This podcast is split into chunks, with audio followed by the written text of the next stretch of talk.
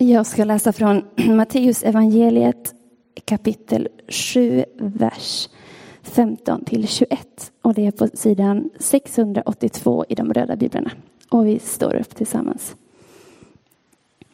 Akta er för de falska profeterna. De kommer till er förklädda till får, men i sitt inre är rovlysta vargar. På deras frukt ska ni känna igen dem. Plockar man kanske druvor från törnen eller fikon från tistlar. Så bär varje gott träd bra frukt, men ett uselt träd bär dålig frukt. Ett gott träd kan inte bära dålig frukt, inte heller kan ett uselt träd bära bra frukt. Varje träd som inte bär bra frukt huggs ner och kastas i elden. På deras frukt ska ni alltså känna igen dem. Inte alla som säger Herre, Herre till mig ska komma in i himmelriket, utan bara det som gör min himmelske faders vilja. Så lyder det heliga evangeliet.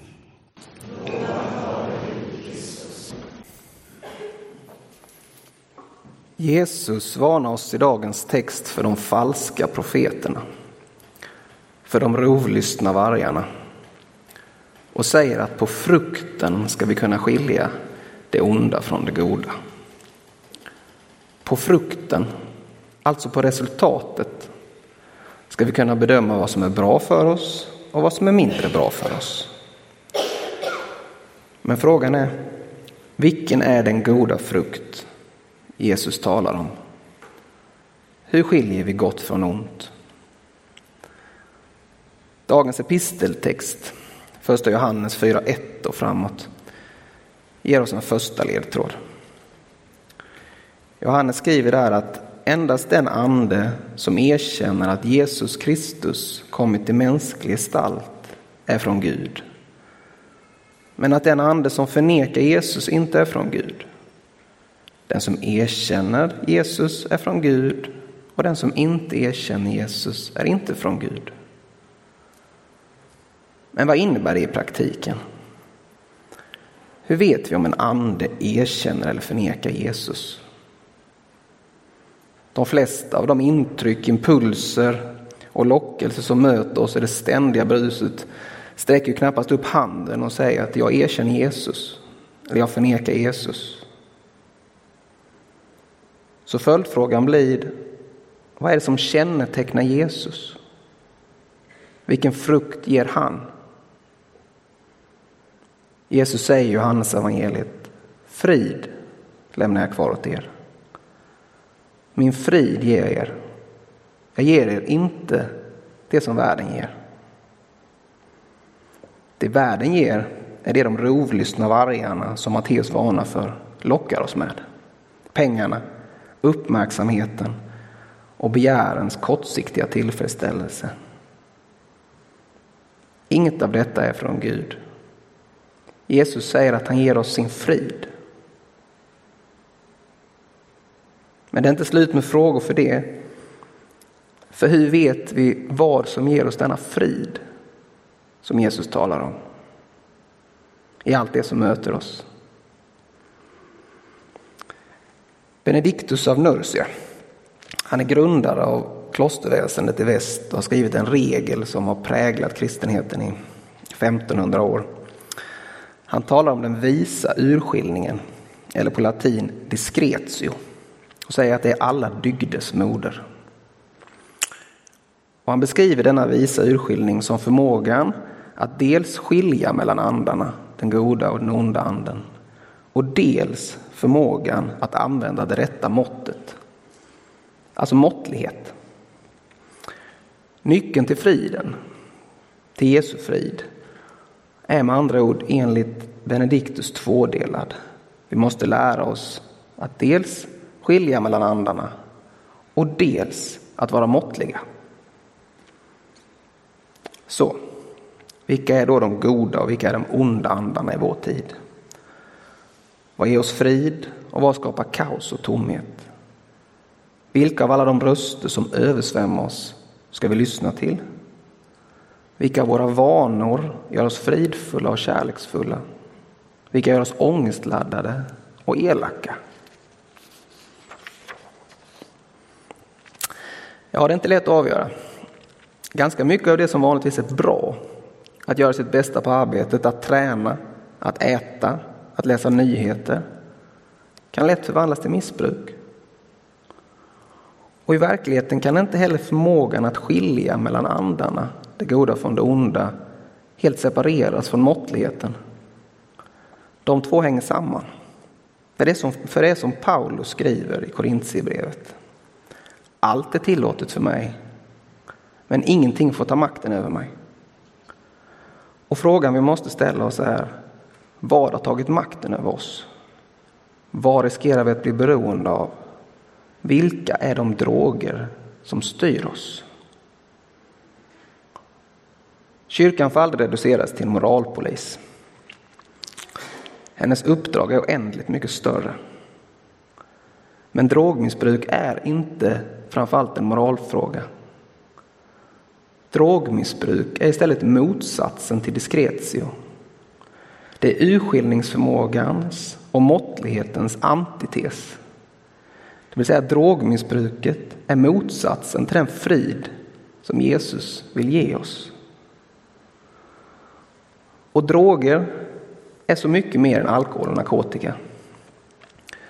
Vi börjar långsamt förstå vilka oerhörda krafter vi har släppt ut de senaste 10-20 åren. Visserligen har internet gett oss mycket gott. Ett knapptryck bort har vi all världens samlade kunskap och vi kan kommunicera med alla när som helst. Men samtidigt har vi också samma knapptryck bort allt det som kyrkan alltid varnat oss för. Trots att spelmissbruket skenar, särskilt bland unga män, sådana som jag, men i alla grupper, så kan vi idag alltså inte knappt läsa en tidning, inte se en fotbollsmatch, inte lyssna på en podd, utan att någon gammal avdankad sportstjärna försöker lura av oss våra pengar. För att inte tala om porrmissbruket den svenska kristenheten har långsamt börjat uppmärksamma denna nya folksjukdom.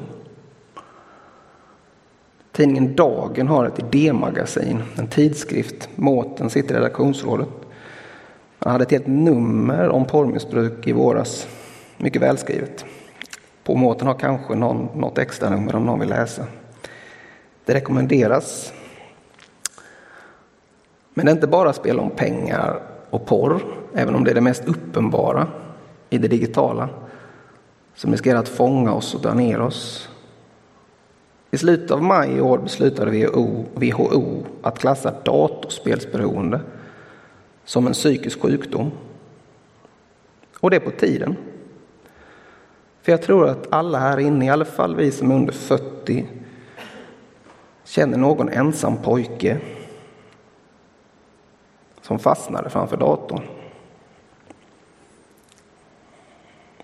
Som inte flyttade hemifrån, inte utbildade sig, inte skaffade familj. Utan satt med gardinerna neddragna och dödade digitala monster år efter år. Och vi känner nog alla någon flicka vars instagrammande gör oss ganska oroliga. Och de flesta av oss, inklusive jag själv, funderar nog en del över hur vi, hur vi använder de sociala medierna. Och det är inte konstigt att vi blir oroliga. Vetenskapen är på orons sida. Det har kommit ett antal studier de senaste åren som visar att hjärnan rent fysiskt, synapserna i hjärnan, bryts ner och skadas av ett överanvändande av sociala medier. Det skadar vårt minne, vår koncentrationsförmåga och i slutändan vår förmåga till empati. Alltså att se varandra. Och bry sig om varandra. Missförstå mig inte, jag är som sagt ingen bra moralpolis och kyrkan ska inte vara en moralpolis. Och jag är som sagt inte heller ren och oskyldig i detta. Och jag tror inte att datorspelande är dåligt bara. Och jag tror att Facebook och Instagram har sina goda sidor. Men det är som Paulus skriver. Allt är oss tillåtet, men inget får äga oss. Och en del saker har mycket lättare än andra för att ta makten över oss. Och mot det måste vi vara vaksamma. Vi måste lära oss diskretio, att urskilja andarna och träna oss i det rätta måttet. Att inte gå till överdrift, att inte konsumera på ett sätt som bryter ned oss. Vi måste, vara, vi måste lära oss att uppmärksamma hur vi reagerar på våra egna beteenden. Vad ger oss frid och gör oss verkligt mätta? Vad gör oss tomma och hungriga? Tomheten och hungern är nyckelord för att förstå drogernas psykologi. Drogen, oavsett om det är narkotika, arbete, porr eller mat, lockar oss alltid med att den dämpar tomheten. Drogen dämpar ångesten och hungern. Drogen dämpar den inre smärtan. Och det värsta är att det fungerar. Annars hade vi inte fastnat i drogerna. Drogen gör att smärtan lättar och att vi når en tillfällig klarhet och uppmärksamhet. Men denna känsla, denna klarhet är just tillfällig. Och efteråt är smärtan alltid värre, tomheten ännu större. Alla droger gör oss bakfulla. Smärtan och hungern och tomheten blir värre och värre. Och för att fly denna expanderande tomhet tar vi mer och mer av just vår egen favoritdrog. Så, hur lär vi oss diskretio? Hur ska vi lära oss urskiljning och måttlighet? Hur besegrar vi den oändliga hungern? Jesus säger, jag är livets bröd. Den som kommer till mig skall aldrig hungra och den som tror på mig skall aldrig någonsin törsta. Om vi kommer till Jesus och tror på honom skall vi inte hungra och inte törsta. Han lovar oss sin frid, inte det världen ger. Inte det som de rovlystna vargarna lockar oss med. Han lovar oss sin frid. Men vän av ordningen frågar sig, jag går i kyrkan, jag tror på Jesus, men jag hungrar ändå. Hur kan det vara så? Ja, hur kan det vara så? Jag tror inte att någon här inne kan svära sig fri från drogerna. Jag tror att vi alla kämpar mot en eller flera krafter som riskerar att dra ner oss och som ibland får övertaget. Inte minst jag själv. Det är så livet ser ut. Vi befinner oss i skärningspunkten mellan ljusets och mörkrets krafter. Men Jesus säger ju att vi inte ska hungra och törsta om vi kommer till honom och tror. Och ändå hungrar vi och törstar. De flesta av oss i alla fall. Har vi då inte kommit och trott? Vi som sitter här. Jo, de flesta av oss har nog det. Men bara ibland och lite grann. För ska vi vara ärliga är vi knappast hos Jesus hela tiden. Och tron är inte alltid lika stark. Att komma till Jesus och att tro på honom är inget vi gör en gång för alla. Det är en process. Det är en skola. Det är ett träningsläger. Och kyrkan är just denna skola. Detta träningsläger. Och det är lätt att se. För lika enkelt som det är att konstatera att vi hela tiden faller att vi misslyckas i vår strävan och åter faller för drogerna. Lika enkelt är det att se att det vi gör i kyrkan ändå hjälper oss i kampen mot just dessa droger. Det är helt uppenbart för den som allvarligt prövar att träna sig i bön, i meditation eller i kontemplation att det leder till en större frid. Att det leder till att vi närmar oss Jesus. Och det är än mer uppenbart för dem av oss som brukar gå hit om söndagarna och sjunga och be och fira mässan att något heligt händer med oss här. Vi ska snart få fira mässa igen. Snart ska vi åter få ta emot hans kropp och blod. Och lite, lite grann återigen låta oss förvandlas. Vi äter honom för att slippa hungra. Och vi märker varje gång vi gör det att hungern faktiskt släpper sitt tag. Lite grann och bit för bit. Vi märker det när friden sakta sprider sig i våra kroppar. När värmen når bröstet och leendena spricker fram i ansiktena runt omkring oss. Vi märker det när brödet och vinet smälter i munnen. Och vi märker i lovsången efteråt. Något har hänt. Något är förvandlat.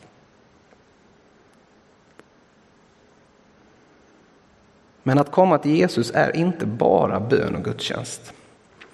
Hur underbart det än vore. Dagens text avslutas allvarligt med att Jesus säger inte alla som säger Herre, Herre till mig ska komma in i himmelriket. Bara det som gör Guds vilja. För att komma in i Guds rike, för att slutligt besegra drogernas förbannelse, måste vi göra Guds vilja. Så, vad är Jesu Kristi vilja?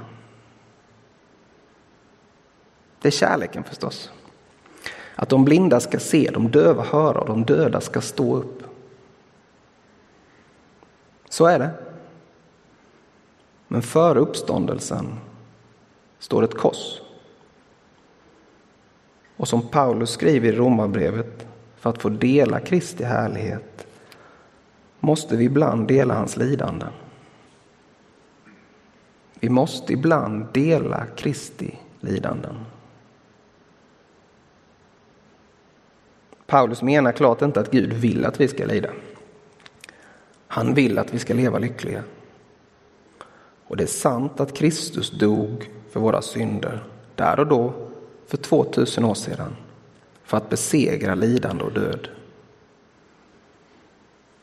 Men korset är också ett presens. Det är också ett nu. Det är på visst sätt alltjämt närvarande. För även om ondskan besegrades där för 2000 år sedan så utrotades den inte. Och att göra Kristi vilja, det är att ta upp kampen med denna återstående ondska. Att göra Kristi vilja är därför alltid en fråga om självuppoffring. Vi måste sträcka ut våra händer mot de behövande. Vi måste ta hand om änkan, den fattige och invandraren. Vi ska ringa den arbetskamrat som ingen ringer. Knacka på hos den granne som ser ensam ut. Öppna upp våra hem för de behövande.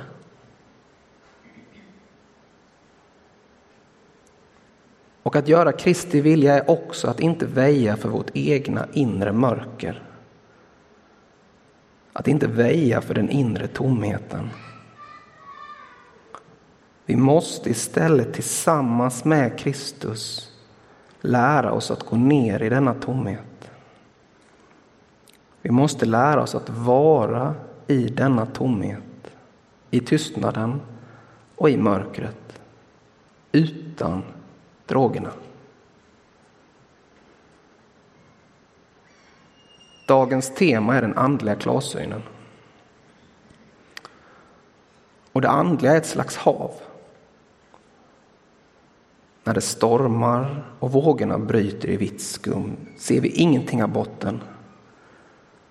Men när det är stilla och tyst, när det är bleke, som vi säger hemma i Blekinge, och vattenspegeln ligger helt klar, kan vi se långt, långt ner i djupet. Och i detta djup bor den tystnad och det mörker som vi kallar att möta. Och vi behöver inte vara rädda. För Jesus har gått för oss och han går med oss. Och djupast ner i mörkret finns därför alltid ett brinnande ljus. Och längst in i tystnaden spelar alltid den klaraste ton. Amen.